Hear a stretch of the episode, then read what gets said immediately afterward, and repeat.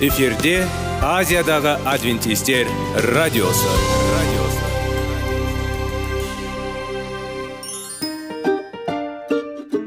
Сәлем достар. Денсаулық өмір бұлағы және біздің бірінші байлығымыз демекші денсаулық сағаты рубрикасына қош келдіңіздер. Біздің рубрикада біз әртүрлі факторларменен мәліметтерменен кеңестерменен бөлісіп шын жүректен сіздердің дендеріңіз сау болғанын қалаймыз. Сол үшін біздің рубрикаға қош келдіңіздер. Дайындалып тұрыңыздар. Өйткені келесі минуттарда қызықты фактілерге ие боласыздар. Енді достар ең бірінші байлығымызды қолымызға алып алға кеттік.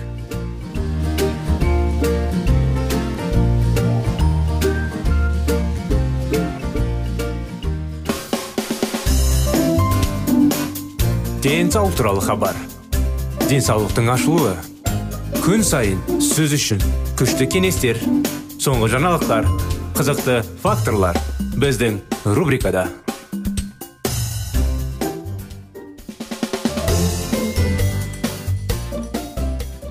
сәлем достар армысыздар құрметті радио тыңдаушыларымыз сіздермен бірге сіздердің назарларыңызға денсаулық сағат бағдарламасы өткен жолы сіздерге айтып кеткен едік таяқ айтқым келіп отыр расында да біз сіздермен жиі енді ол менің қателігім шығар кешіріңіздер сол үшін тез амандасып тез бағдарламамызды бастай жібереміз менің оның бәрі біздің әр тақырыптың аяғында сіздерге жеткізіп түсіндіруге тырысамыз. Бағдарламамыздың уақыты шамалы болған соң. Біздің бағдарлама не жайлы? Денсаулық сағат бағдарламасы әсіресе. Денсаулықты дұрыс қалыпта сақтайтын кеңестер алу үшін. Әрине көптеген адамдар денсаулықты қалай күтуін біле отырып оны күтпейді. Кейбіреулер білмей оны күте алмайды. Сондықтан денсаулық ақсаңдай бастайды. Кейін бара бара толық ағза қалыптан тоқтата бастайды. Оның бәрі әсер енді әрине көңілге көңіл күй де нашар болса оның бәрі денсаулыққа нашар келтіреді әрине әрдайым сіздер стрессте боласыздар әрине өміріңіздің ұзақтығы қысқара бастайды сондықтан өзімізді керемет сезінуге тырысайық дұрыс денсаулықты күтетіндей іс қимылдармен жаңағы біздің берген кеңестерді орындауға тырысайық мүмкіншілік болса қолдарың астарыңызда жаңағы дәптермен қаламсап ұстап отырсаңыздар маңызды тақырыптарды енді маңызды ойларды жазып қойыңыздар. Кейін бір күні өздеріңізге керек болып қалар. Сондықтан денсаулықты күтейік достар. Сіздер назарларыңызда денсаулықты қалай сақтау керек тақырыбын жалғастырудамыз. Үйсіз үйдің жоғалуы жұмыссыздықтың қарағанды нашар. Мұндай жағдайда су басудан өтіріктен аштықтан немесе соғыстан зардап шеккен адамдардың саны көп. Бұл жағдайда алушындықтың өсуі дәрігерлік көмек пен медициналық күтімін қол жеткіздігімен күрделене түседі. Ашық аспан астындағы киімде ұйқы және жеткіліксіз және тұрақты емес тамақтану шизофрениямен жаңағындай шизофрения дейді ғой орысша. Мен тері бұзылыстарына қосымша сүйек бұлшық ет және респираторлық ауруларға келеді. Өте жиі өмірлік жағдайлар соншалықты сәтсіз болады. Бұл адамға көмек көрсету мүмкін емес. Стрессті қалай жұмсартуға болады? Жұмыс контекстінде біз күн сайын тыныштық бермейтін тітіркендіргіш факторлармен келісе аламыз. Егер барлық мүдделі тұлғалардың пайдасына жағдайды сақтақтасу мүмкіндігі болса онда мұны міндетті түрде жасау керек. Біздің жұмысымызға байланысты факторларды бақылауға мүмкіндік беруі мүмкін. Алайда егер біз өз дағдыларымен ісперлерімізді кеңейтетін болсақ пайдалы болады. Біздің биліктеріміздің тізімін кен болған сайын жақсы жұмыс табу мүмкіндігіне де арта түседі. Зерттеулер көрсетіп отырғандай қолдарын түсірмейтін және үйде жұмысты жалғастыратын жұмыстардың өздерінің денсаулықтарына қатысты қиындықтардың айталықтар дәрежеде қорғанатынын көрсетті. Қалыпты өмір салты және жұмысты пайдалы әдеттер сондай ақ белгілі бір деңгейде денсаулықты сақтау үшін жақсы негіз болуы мүмкін. Қиын уақыт қара күнге адаған аздаған қаржы жинақтарды да зиян келтірмейді. Бірақ барлығының ақшаны кейінге қалдыруға мүмкіндік жоқ. Бірақ олардың мөлшері үлкен болмаса да. Олар алғашқы уақытта жұмыс жоғалту салдарын жеңілдету көмектеседі. Біз көріп отырғанымыздай адамдардың өздері табиғи апаттардың алдын ала алмайды. Уақытында немесе жоқ бірақ көмек әлі де келеді. Егер оны дұрыс үлестірсе жағдай жақсыға қарай өзгермейінше қиын кезеңдерді бастан өткеуге болады. Жеке гигиена ержелерін сақтау жұқпалы аурулар қаупін төмендетеді. Қартаю салдарын қалай жеңілдетеді? Адамның қартаю процесін зерттейтін мамандар оптимизмге толы. Олардың жаңалықтарын практикалық қолданудың арқасында тіпті қазіргі білім деңгейіне де. Біздің өміріміз қазіргі 70 жылдың орнын орта есеппен 120 жылға дейін созылуы мүмкін деп сендіреді. Ғылымдардың бағалауы бойынша егер біз өмір бойы 10 жастағы балаға тән күйзеліске жаратқандарға және ауруларға қарсы тұруды сақтаса онда біздің көпшілігіміз 700 жастан аса жасқа кетуі мүмкін.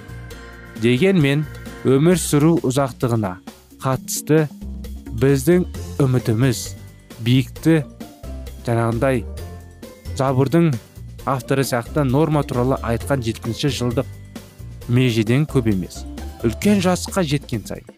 Сіздің өміріңіздің ұзақты соғұрлым жоғары болады. Егер сізге 40 сіз тағы 32-де 6 жылға сене аласыз. 72-де 6 жасқа. 45-те сіз тағы 28-де 3 жылға 73-те 3 болуға. 50-де болсаңыз 24-те 1 жыл сонда 74-те 1 болады. 60-та болсаңыз тағы 16-та 8 жыл 76-та 8 сене аласыз. Көптеген адамдар осы жас шегін женеді қартаю жаңағындай парадоксы ұзақ өмір сүруге өте жақсы бірақ ұзақ өмір сүру керек емес ең басты өмір сапасы әлем халықтарының арасында өмір сүру ұзақтығының бірнеше тамаша мысал бар эквадордың кавказдың тұрғындары мен пәкістандағы хунстың халықтағы өзге халықтарға қарағанда өмір сүретін және белсенділігін ұзақ сақтайтынымен кеңінен танымал. Олардың құпиясы теңдестірілген диета тұрақты физикалық еңбек салауатты ұйқы және күйзеліске тыныш қатынас болып табылады. Ұлыбританияда 100 мың тұрғынға ғасырлық межден аттаған 22 ер адам мен елу әйел келеді. Ал эквадорда 100 адамға 100 адамға жетеді. Жалпы алғанда айқын анықтағы бар зерттеу біздің хронологиялық жасымыз біздің биологиялық жасына сәйкес келмейді. Мінекей осындай анықтама бүгінгі күнде. Анықтамалардың жалғасы келесі жолы болады. Келесі бағдарламаға дейін сау болыңыздар.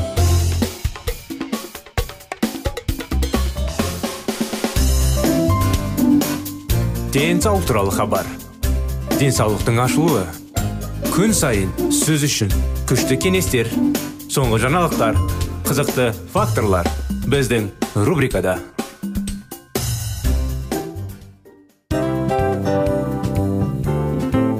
Әуелі байлық денсаулық екінші байлық он саулық үшінші байлық ақ жаулық. Ал енді осындай радио парақшадан кейін не дейміз? Барлықтарыңызға денсаулықтарыңыз зор болсын деп тілейміз. Денсаулықтың өзгеруі кішкентай нәрселерден басталады. Осымен біз берген кеңестер мен мәліметтер шын жүректен сіздер үшін қандай да бір болсын жәрдем берді деп үміттенеміз. Тыңдаушыларымызбен келесі радио парақшасына дейін қоштассамыз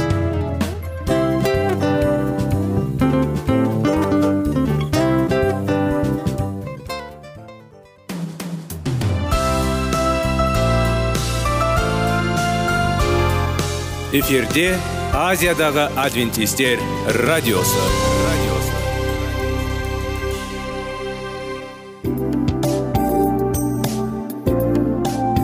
Сәлем достар. Барлықтарыңызға шын жүректен сөйлесейік рубрикасына қош келдіңіздер деп айтпақшымыз. Шын жүректен сөйлесейік бағдарламасы әртүрлі қызықты тақырыптарға арналған. Шындығында шын жүректен сөйлесейік деген сөздің мағынасы екі достың екі адамның ортасындағы шын жүрекпен сөйлесуі бір біріне сенуі ашықтық пен шындықты білдіреді. Сол үшін біздің бағдарламалар әртүрлі қызықты тақырыптарға арналған. Дайындалыңыз жаңа қызықты мәліметтерге ие болуға. Ондай болса кеттік.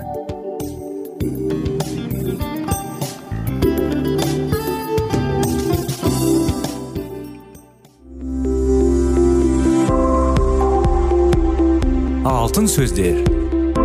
Сырласу қарым қатынас жайлы кеңестер мен қызықты тақырыптар.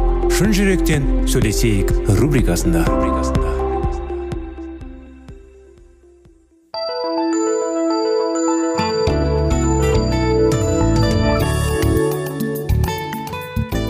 Сәлеметсіздер ме құрметті достар? Армысыздар құрметті радио тыңдаушыларымыз. Сіздермен бірге шын жүректен сөйлесейік бағдарламасы. Біздің оқиғаларды жалғастыра кетейік. Әрине өткен жолды естеріңізде болса біз беріктің анасы әкесі жайлы олардың қиыншылықтарын жанұяларда не болып жатқанын қандай қиыншылық туғандарын естеріңізге сала кетсек. Сондықтан ары қарай жалғастырып біз барлығына не болса да қуанышты оқиғалар жайлы әңгімелерді жалғастырып жүрміз. Соның алдында сіздермен бірге баланың жүрегіне бес қадам тақырыбын бастаған едік. Сондықтан осылай тәжірибелер қарым қатынастар тәжірибелерінде оқиғалар. Беріктің әкесі тастап кеткен еді. Анасы больницада жатыр. Сондықтан әкесі келіп берікке өзінің әңгімесін айтып жатыр. Сендерді тастап басқа отбасына кеттім. Солармен бірге алыс қалаларда біріне қоныс аудардым.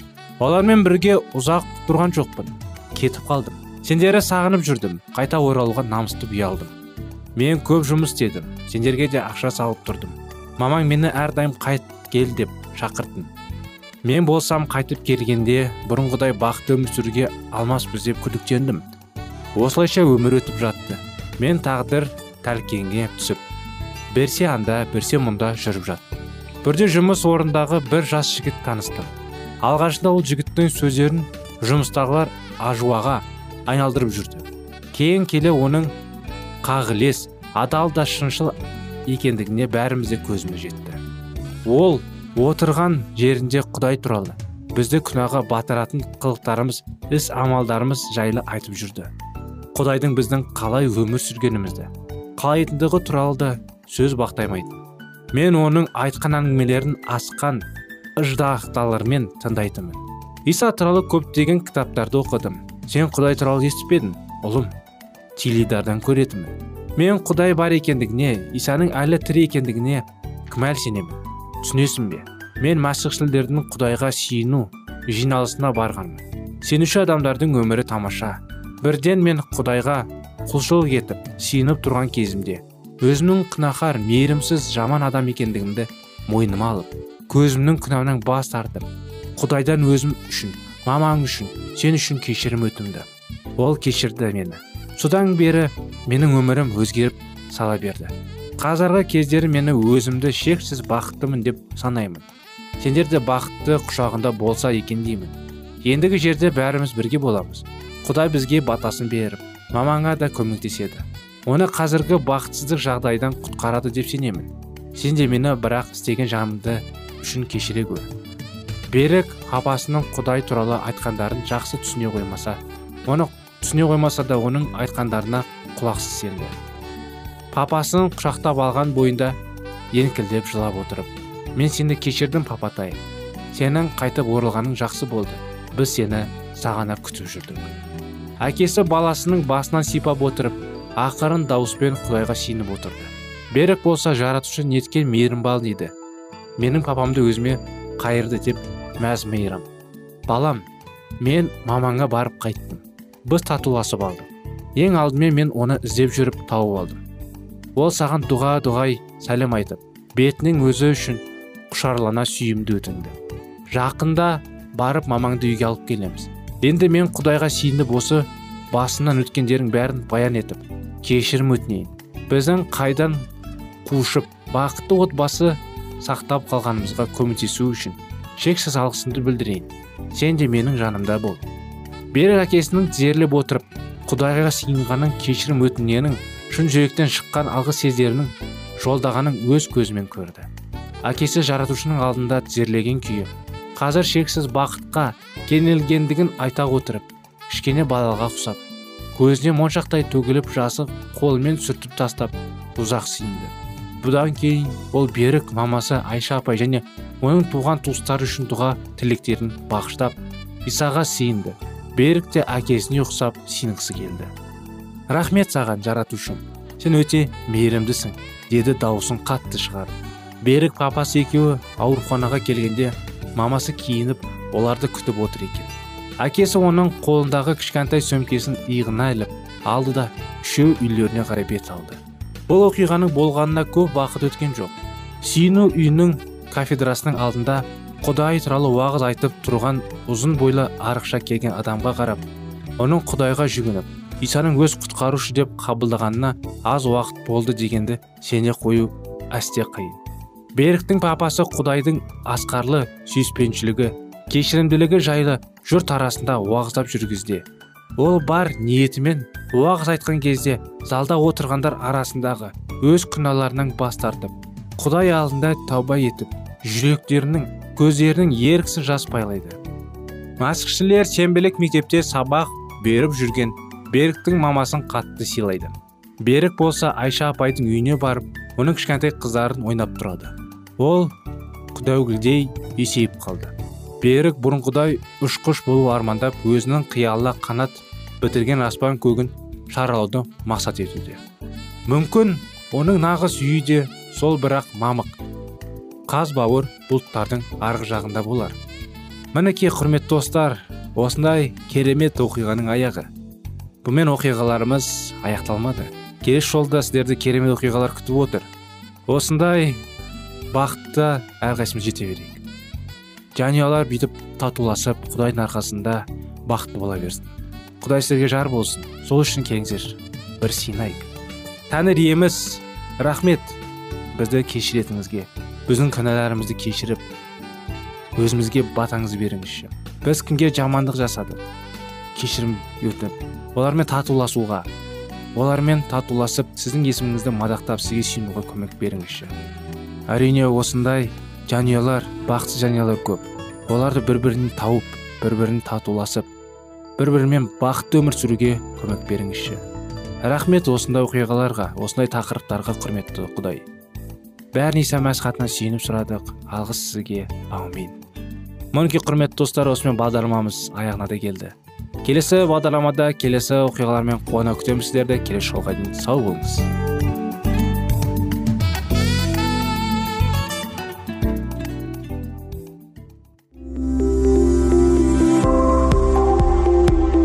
Алтын сөздер. Сырласу. Қарым қатынас жайлы кеңестер мен қызықты тақырыптар. Шын жүректен сөйлесейік рубрикасында.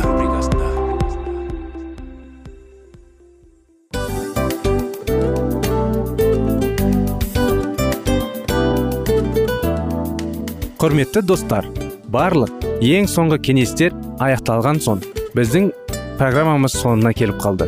Осы біздің мәліметтер осы рубрикада айтылған әрбір сөздер сіздерге өзінің қандай да бір пайдасын алып келді деп шын жүректен сенеміз. Және бұдан да көптеген рубрикаларымыз бар. Басқа рубрикаларымызда біздің зерттеулерімізде сіздер үшін тағы да қызықты мәліметтер дайын.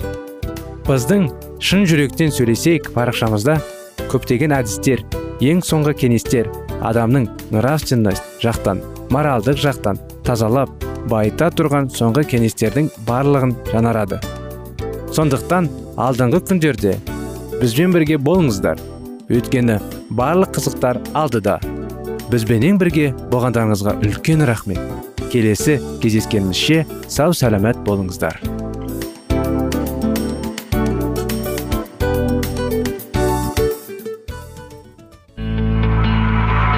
Жан дүниеңді байытқан жүрегіңді жаңғыртқан өмірдің мағынасын ойландырған рухани жаңғыру. Рубрикасы.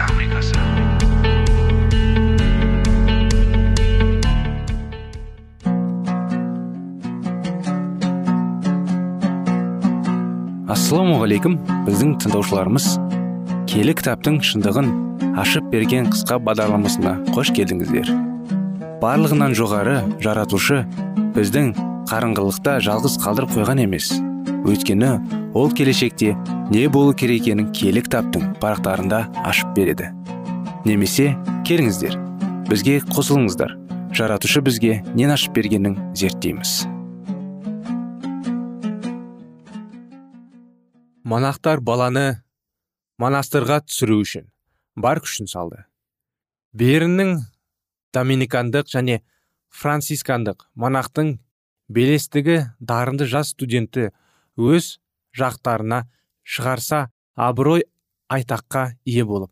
Ақша оларға судай құйылатынын жақсы ұқты. Жас студенттің күш жігері тіл байлығы әдебиетке музыкаға деген құштарлығы және ақындық дарыны монахтардың орындаларына атаған шығарып түсімен көбейіне олар білді. Сондықтан цвингльді өз монастырлары түсіру үшін олар бар айла тәсілдерін жұмсады. Лютер студент кезінде өзін монастырдың келесінде көмегін болатын. Егер де құдай оны өміріне араласпағанда ол сонда мәңгі қалатын еді. Цвинглиге мұндай қауіпті жолға түсуге болмайтын болды. Оның әкесінің монахтардың арамза ойлары белгілі болып ол баласын дереу үйіне шақыратып алды. Цингли әкесінің дегеннің екі етпей туған еліне қайтып оралды. Бірақ үйінде көп болған жоқ. Шамалы уақыттан соң базелге аттанды.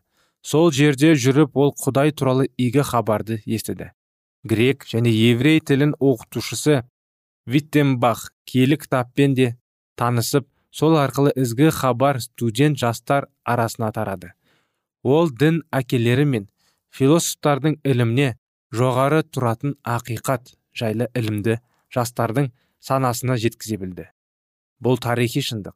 Масық исаның адамзат баласы үшін құрбан болғаны жайлы хабар еді. Айтулы хабар цвинглидің өміріне жарық түсірген алғашқы шұғылы болатын. Көп ұзамай ол базелді тастап жаңа өмірге жолдама алды. Оның алғашқы тоқтаған жері альпадағы шіркеу болды. Дін әкесі атаған алғаның соң цвингли киелі кітапты зерттеуге кірісті. Өйткені алланың сеніп тапсырған халқын жетелейтін басшы көп нәрсені білуге тиісті. Ол киелі кітапты тереңірек зерттеген сайын шынайы шындық пен римнің ілімін арасындағы орасан зор айырмашылықты айқын көре бастады. Свингли өзін құдай сөзіне бағындырды. Одан қарама қайшылықтар іздеген жоқ. Керісінше бір ниетін салып ақиқатты іздеді. Игі тілекпен киелі рухтың басшылығына сүйеніп алланың айтқан әрбір сөзін мойындай отырып ол әсем де сұлу шындылықтың куәгері болды. Киелі жазуды бізге құдіретін құдайым өзі берген ендеше оны оқып түсінуге жәрдемінде ол өзі берді. Құдай сөзі оған бағынатын адамға еш қашанда түсініксіз болып қалмаймды цвингли өзінің өмірінен алланың сөзінің шындық екенін дәлелдеді. Әулиеде яғни киелі жазбаны зерттей бастаған кезде адамның бойына сініп қалатын философия мен схоластика ақиқатқа қарсы шығады. Бірақ сен бар ниетіңді құдайдың шындығын ұғуға бағытатысың келі кітап өзін өзі түсіндіріп берді. Бұл жүрегімнің құдайдың шығуымен нұрлағаны тіледім. Содан бастап жазбаны түсіну мен үшін қайғыға соққан жоқ дейді цвингли цвингли лютердің ілімін қайталап тұрған жоқ. Егер лютер адамдарға исаны уағыздаса менің де істеп жүргенім сол. Оның құдай жолына түсіргенің адамдарының саны менікінен көбірек. Бірақ бұл маңызды емес. Өз басым исаның есімімен басқа есімді алып жүргім келмейді. Мен исаның жауынгермін ал ол менің жетекшім. Өтермен екеуміз ешқашан сөйлескен емеспіз. Ал уағыздарымыз ұқсас. Осы арада құдай рухының тұтастығы айқындалып тұр. Біз жеке жеке тұлғаларымыз бірақ еш келіссөзсіз. Құдай сөзін бірдей етіп уағыздаймыз. Себебі екеумізде де ұстазымыз иса мәсіх дейді швейцариялық реформатор. 1516 жылы цвингли энзидель монастырында дін әкесі қызметіне шақырылды. Осы жерде ол римнің заңсыздықтарымен бетпе бет кездесіп алға туған алпасының шекарасына асып әрі қарай тараған реформаторға айналды. Энзиделін әулиелерінің ішінде керемет күштің иесі ретінде мариям қыздың бейнесі құнды болып саналатын. Ал монастырдың қақпаларының жоғарғы жағында бұл жерде адам барлық күнәларына кешу алады деген жазу жазылып тұрды. Жыл сайын қажылыққа баратын халық күнәларына кешу алу үшін осында шұбарады мұнда адамдар тек швейцарияның жер жерінің ғана емес сол сияқты германия мен франциядан да жиналатын еді. Мазасыз кетіп шұбырған жандардың ерсілі қарсылы қанғырысып тоқтау үшін цвинглиге көп еңбектенуге тура келді. Істеген қателіктеріне кешірім алу үшін осында келудің қажеті жоқ. Мағынасыз істерін жасап жатқан құрбандарын пұттарға синуларын қажылықтарын мариям қыздың бейнесіне табынуларын керек емес. Шаш кесу ұзын киім кию аяқ киімдеріңді алатынмен әшекейлеу. Осының біреуі де сендерге жеңілдік әкелмейді. Күнәларың сол қалпында қалады. Иса барлық адамзат баласы үшін қанын төгіп құрбан болған. Егер сендер оның құрбандығы қабылдасаңдар құдайдың алдында шын ниетпен жалбарасыңдар. Тілектерің қай жерде жүрсеңдер де қабыл болады. Аллаға керегі адамның тап таза жүрегі ғана деп ұғынумен болды. Бірақ цвинглидің сөзі көпшілікке ұнамады. Себебі қажылықтардың мағынасы болып шыққан олардың көкіректері удай ашытты. Олар үшін өз жүректерін тазартуға ұмытылғанын көрі. Бұл істі папаға тапсыру ұнағұрлым оңай көрінді. Десе де айтулыға хабарды яғни кешірімнің иса мәсіх арқылы ғана келетін қуанышпен қарсы алғандарда жеткілікті болды. Себебі олар қанша құрбандық жасап неше түрлі рәсімдердің өткендерімен жүректеріне тыныштық орнай алмай мазасыз күй кешкен жандар болатын. Енді олар елдене оралғаннан кейін естіген қуанышы хабарын басқа адамдарға тарата бастады.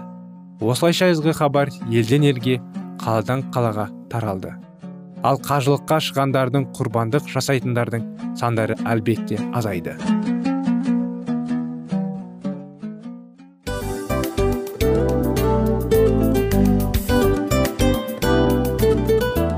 Достар біздің радио парақшамыз өзінің соңына келіп те қалды.